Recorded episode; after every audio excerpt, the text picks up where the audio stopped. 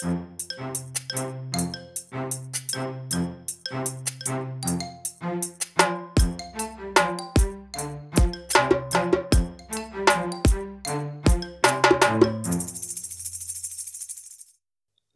tillbaka till Stacken. Jag, Daniel Gustafsson och Kim Hindart.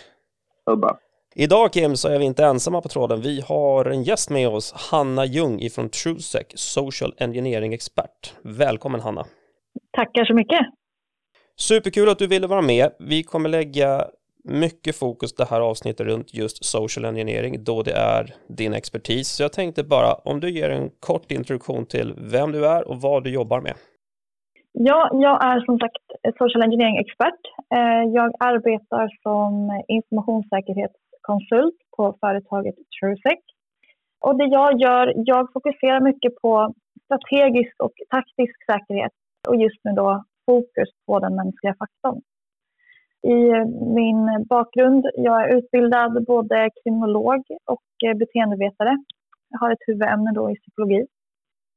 Och eh, jag bidrar med andra infallsvinklar i, i dialogen då kring eh, IT-säkerhet. För jag menar på att allt handlar kanske inte först och främst om, om tekniska lösningar och implementationer utan vi måste få till en dialog inom IT-säkerhet där kombinationen teknik och eh, mänsklig faktor diskuteras. Vi har ju haft tidigare avsnitt om just det. Vi har en fokus rätt mycket på just att det finns mer än teknik som bör kanske tänkas på just inom informationssäkerhet eh, generellt, cybersecurity och så vidare. Så det är extremt kul att du är med.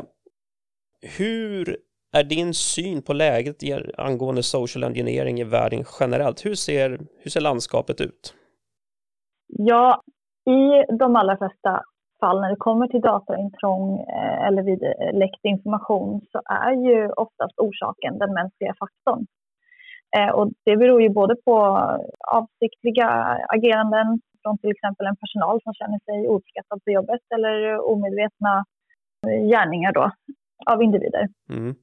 Sen finns det en annan aspekt på det hela att på grund av att de här tekniska åtgärderna har utvecklats väldigt mycket under en kort tidsperiod här under några år så har ju skyddet växt sig starkare ur det tekniska perspektivet. Och därför har det blivit en större utmaning för angriparna att försöka ta sig in inför de här flertalet då, säkerhetsparametrarna. Så att det är nästan idag dels tidsmässigt enklare och eh, kostnadseffektivt att utnyttja den mänskliga faktorn. För där ser man ju också att företag idag, de lägger sin budget på just tekniska implementationer, inte på att höja kunskapen hos sina användare. Ja, vi kanske kan ta den lite först där. Vad, vad är statusen bland företagen just där? Vad, vad är attityden gentemot social engineering? Är det något man bryr sig om och i så fall hur? Till viss del så bryr man, bryr man sig absolut om det. Till exempel så finns det ju flera organisationer som utför sådana här kallade phishing-test där man eh, gör ett test sen utbildar man sin personal på ett eller annat sätt och sen utför man ytterligare ett phishing-test så att man kan få statistik på eh, om siffrorna har blivit lägre då av folk som till exempel då klickar på en, en länk i ett e-mail eller inte. Mm. Sen så finns det ju de som vet mer och de som vet mindre såklart om, om ämnet. Mm. Eh, jag tror generellt sett så är kunskapen om eh, social engineering väldigt låg idag. Mm. Speciellt vad man kan tänka på som individ och hur man kan eh, påverka att inte bli utsatt. Ja, precis. Om du skulle bara snabbt förklara för våra lyssnare, hur går social engineering till? Vad är den vanligaste attackvektorn? Hur, som, hur utnyttjas social engineering idag? Mm. Det är väldigt vanligt med just phishing e-mail, alltså nätfiske e-mail, där som har blivit också väldigt mer avancerade under de senaste åren också. Där man, man eh, försöker få en person att klicka på en länk som har en skadlig karaktär på ett eller annat sätt i syfte då att ta sig in i en organisations IT-miljö. Mm.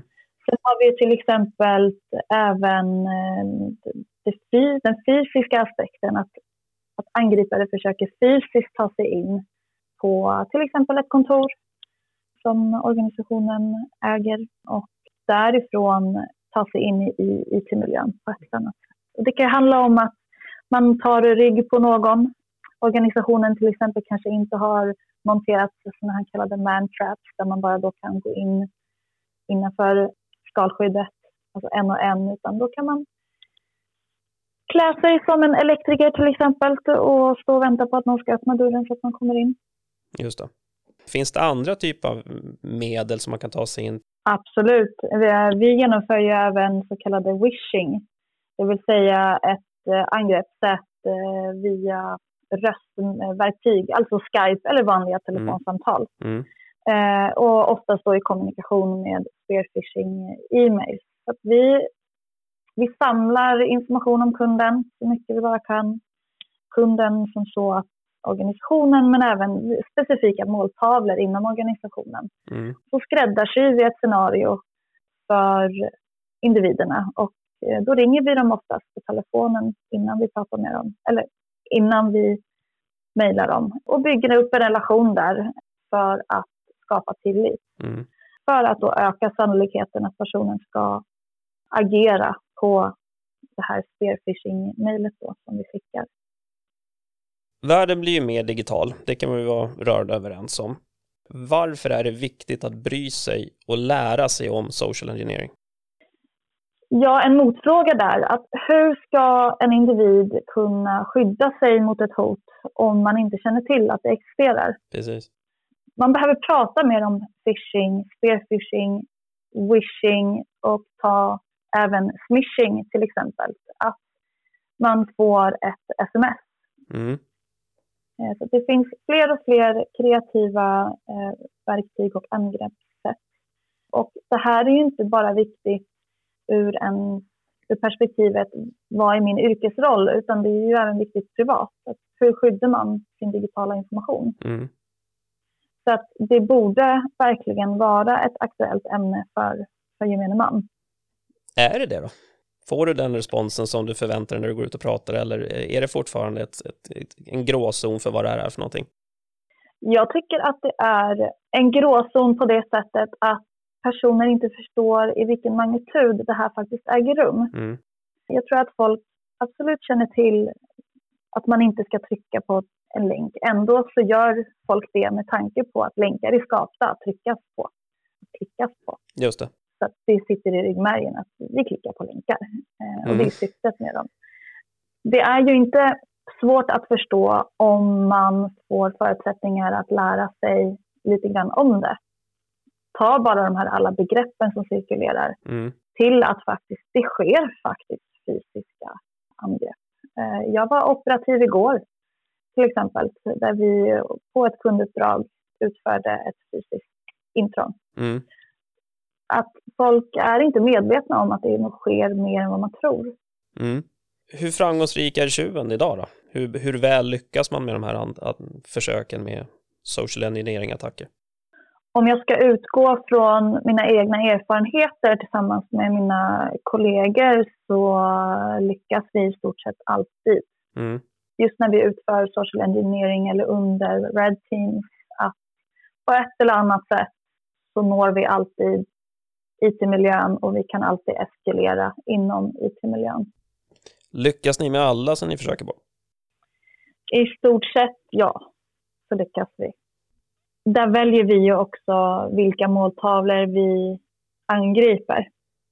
Vårt första val kanske inte handlar om att vi ska angripa en CISO, eh, utan då kanske vi går mer mot alltså, icke-tekniska, folk som inte jobbar på, med IT. Mm. Sen så finns det absolut scenarios som vi har konstruerat eh, utifrån måltavlor som har varit eh, IT-personal. Men de har, vi inte, de har vi inte behövt använda oss av, om jag säger så. Mm det här är ju så pass brett, det finns så många sätt man kan, man, det vi har alla av vi mobiltelefoner i fickan och det är sociala medier och det är, vi har våra kontokort och vi har eh, digital betalningsmedel i telefonen och så vidare och så vidare. Vi har så många olika sätt vi faktiskt kan bli attackerade på. Hur, hur skyddar man sig då? Vad, vad, är, vad är botemedlet för att und, undvika sådana här typer av angrepp? Nej, alltså vi måste ju börja prata om det mer och faktiskt ta eget ansvar och se det som ett reellt hot. om man kanske sitter på sitt jobb och har jobbat där eh, oavsett hur länge så kanske man eh, tänker att ja, men, vad spelar det för roll om, om jag trycker på den här länken? Det kan ju inte vara, det kan inte vara skadligt. Men det är just det som det kan. Att du sitter till exempel på marknad eller HR eller vad du nu än jobbar som och faktiskt trycka på en länk. Det kan leda till att din organisation blir utsatta för en ransomattack till exempel, som mm. är väldigt på tapeten eh, här och nu och har varit ungefär ett år. Så att, att folk ska inse de kopplingarna, den risken finns. Och sen, jag är ju en förespråkare för att vi ska börja prata om säkerhetskultur.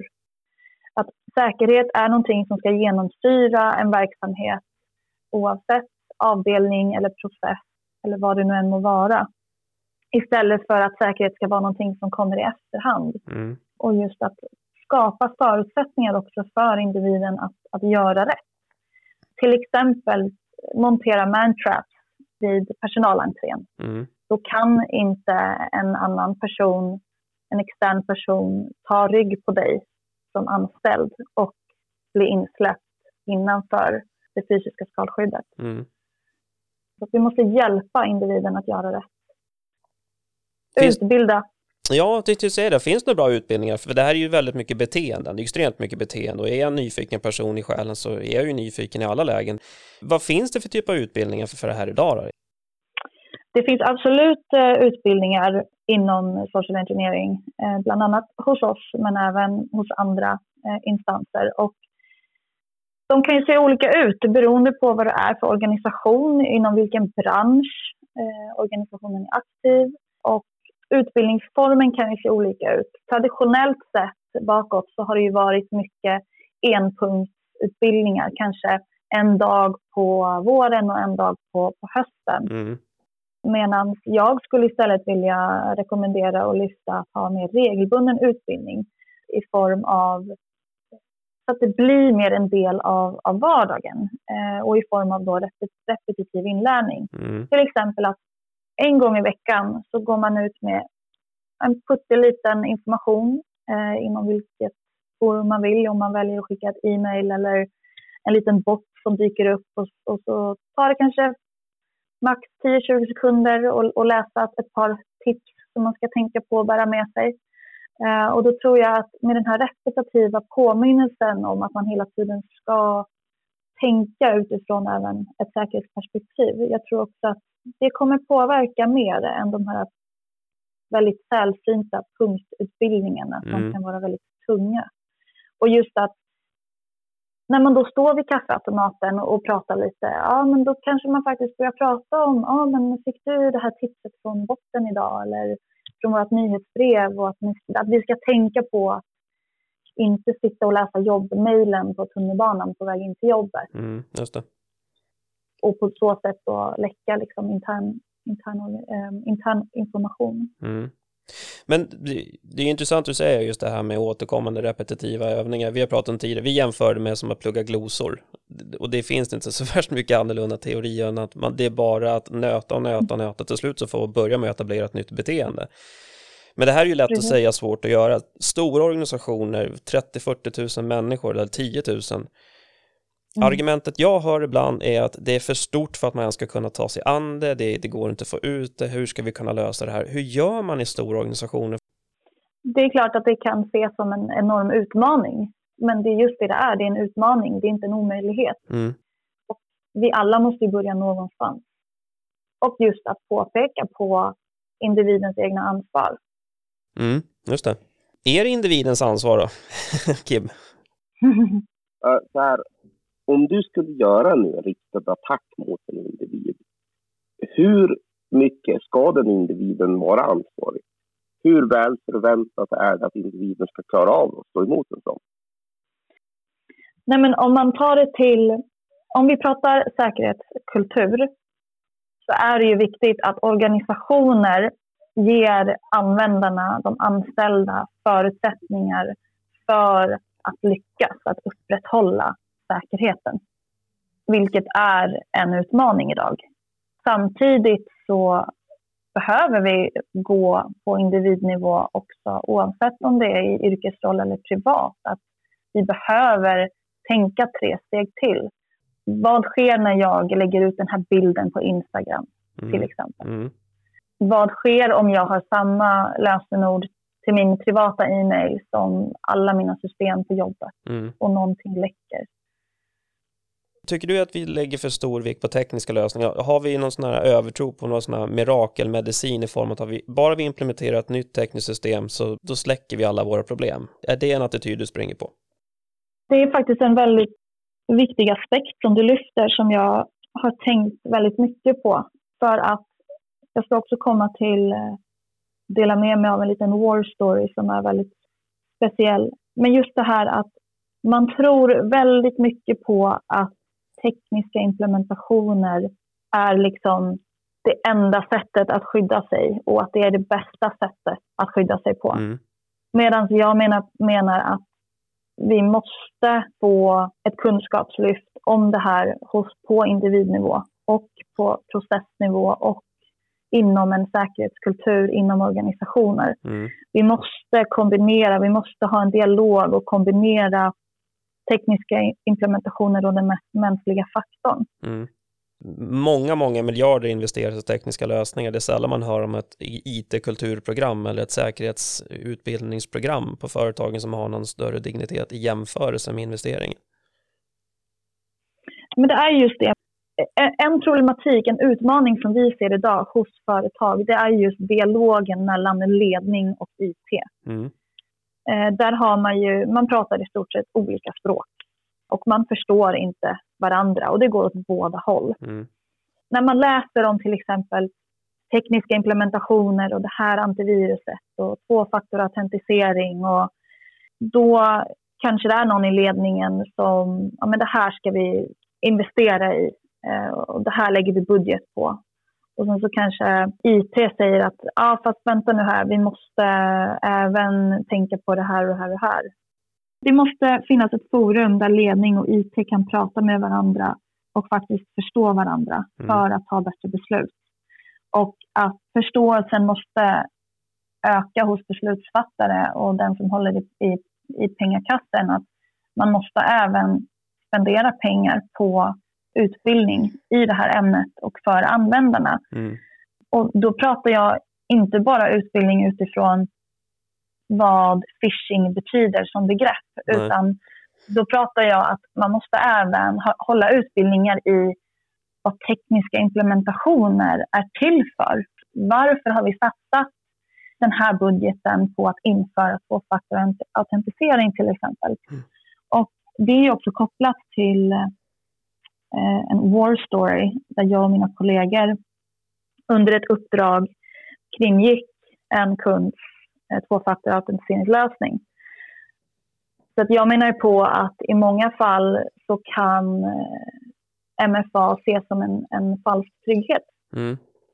För att vi hade då ett, under ett uppdrag så hade vi genom phishing och spearphishing då kommit över användarnamn och lösenord. Eh, och när vi skulle använda oss av dem då för att ta oss in i IT-miljön så blev vi ju stoppade av tvåfaktorautentiseringen. Och då behövde vi ju som sagt komma på någonting ganska snabbt och vara väldigt kreativa. Och det slutade med att jag eh, vishade en person då som vi hade eh, kommit över credentials för. Och eh, efter ett eh, några minuters långt samtal så uppgav den här personen sin sexsiffriga autentiseringskod till mig över telefon. Och min kollega satt bredvid, knappade in dem och sen så var vi inne i miljön. Mm. Så att det jag menar är att vi behöver ju också förklara för användarna varför man ska använda tvåfaktor. Vad är, vad är syftet med det? Mm. För om det är så pass lätt att, att komma runt det kan man satsa hur mycket pengar som helst på tekniska lösningar. Men vi har fortfarande alltid kvar den mänskliga faktorn.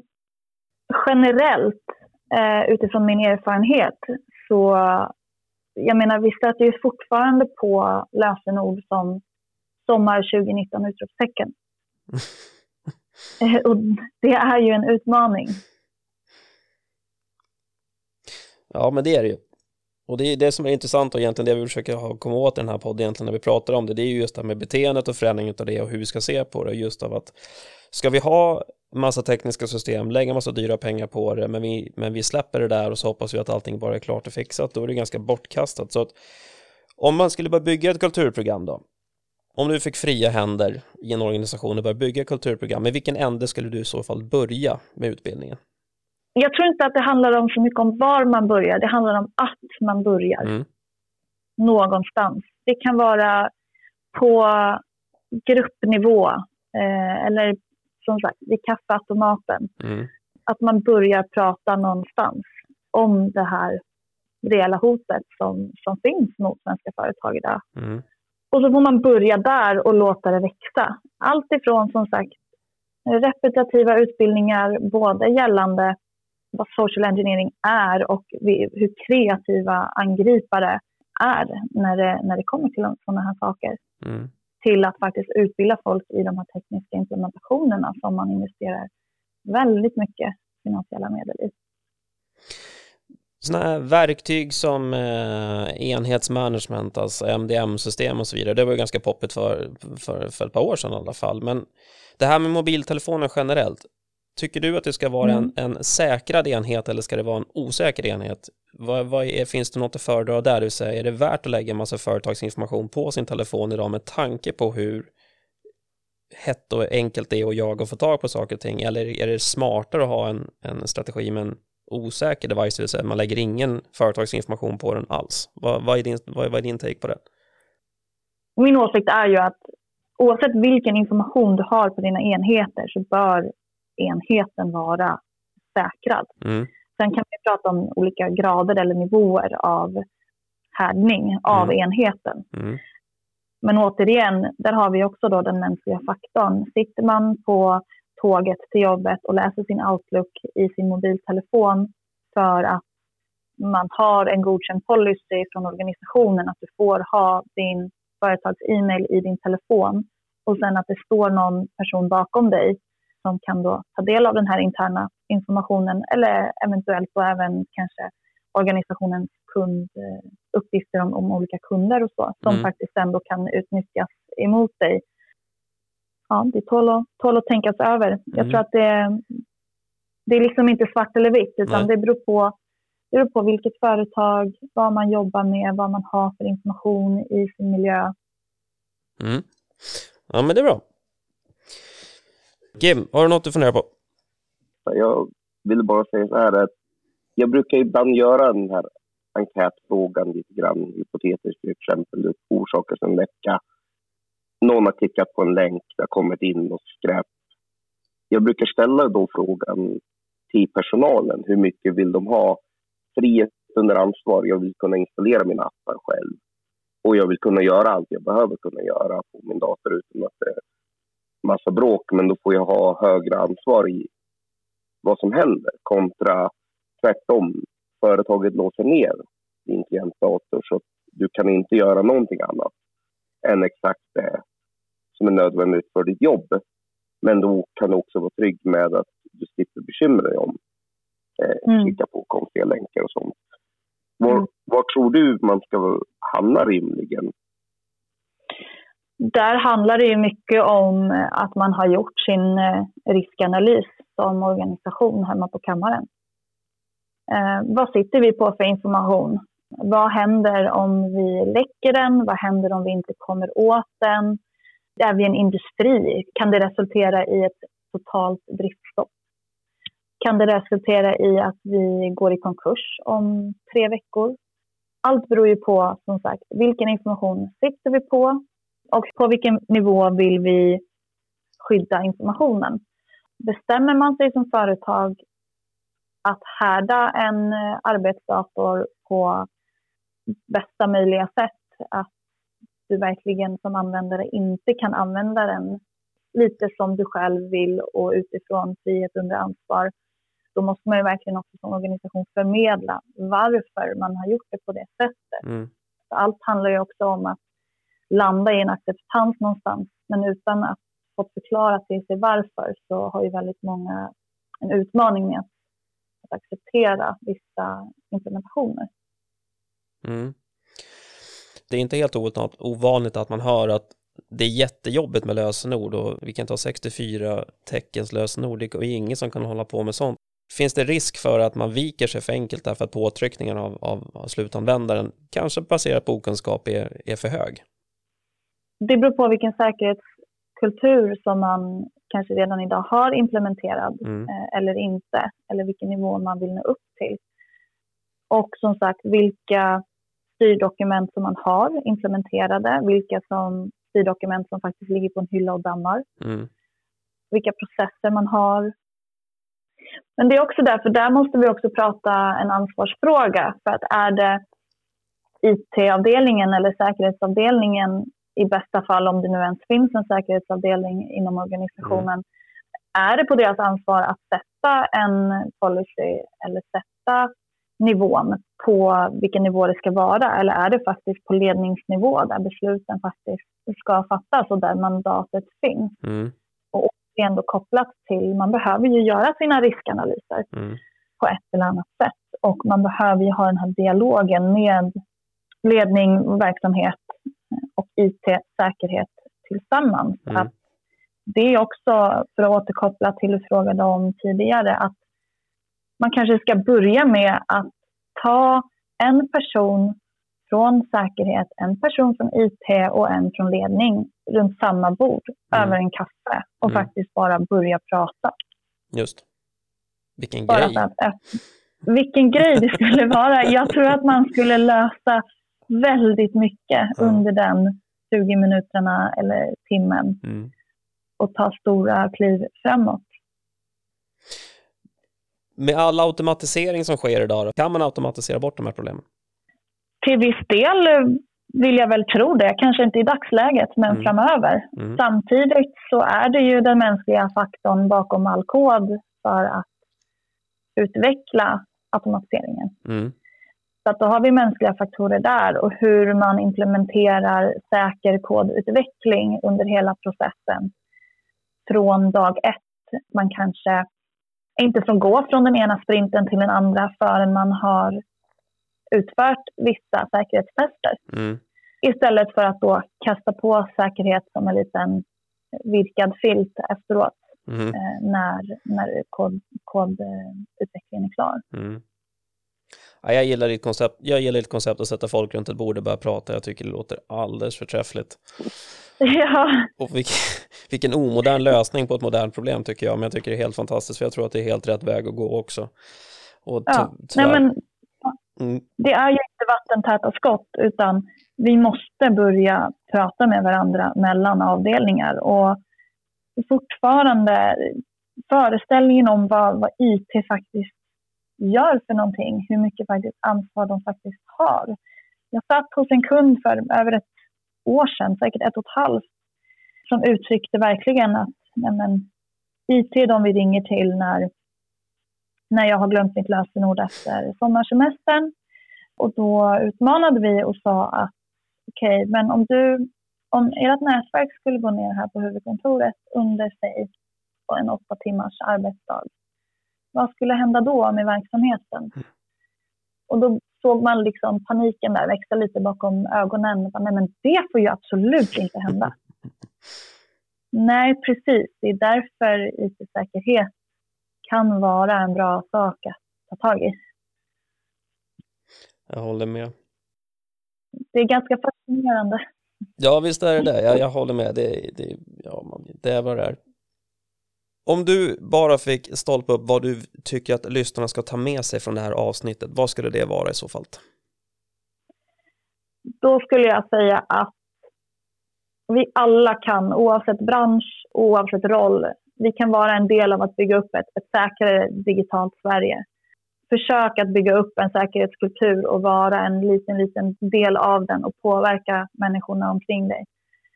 Var lite hälsosamt paranoid stanna upp och tänk lite innan du agerar. Den mänskliga faktorn den är av vikt. Vi måste utbilda i kommunikation då med tekniska lösningar som, som implementationer. Och en sak som vi inte har touchat alls på, men det är just att monitorera er IT-miljö. Och vi är ju ett av företagen som faktiskt hjälper våra kunder att, att bygga säkrare IT-miljöer och en säkerhetsmedveten organisation. Och sen så vill jag gärna pusha lite för mina blogginlägg på temat social engineering. Dina blogginlägg, Hanna, vart kan lyssnarna få tag på dem? Framförallt på LinkedIn, men även i andra sociala medier såklart. Och de kommer varje fredag. De är väl värda att läsa. De är bland de bättre säkerhetsinläggen som finns producerat i Sverige. Så alla lyssnare, absolut, gå och läs det. Tack snälla. Och som vanligt, för all information angående avsnittet så finns de på citynetwork.se stacken. Där kommer vi också länka all information till Hanna hennes LinkedIn-sida, bloggposter och så vidare, plus lite information om TrueSec och bolaget som hon jobbar för. Hanna, tack så jättemycket för att du tog dig tiden idag och var med oss här på Stacken.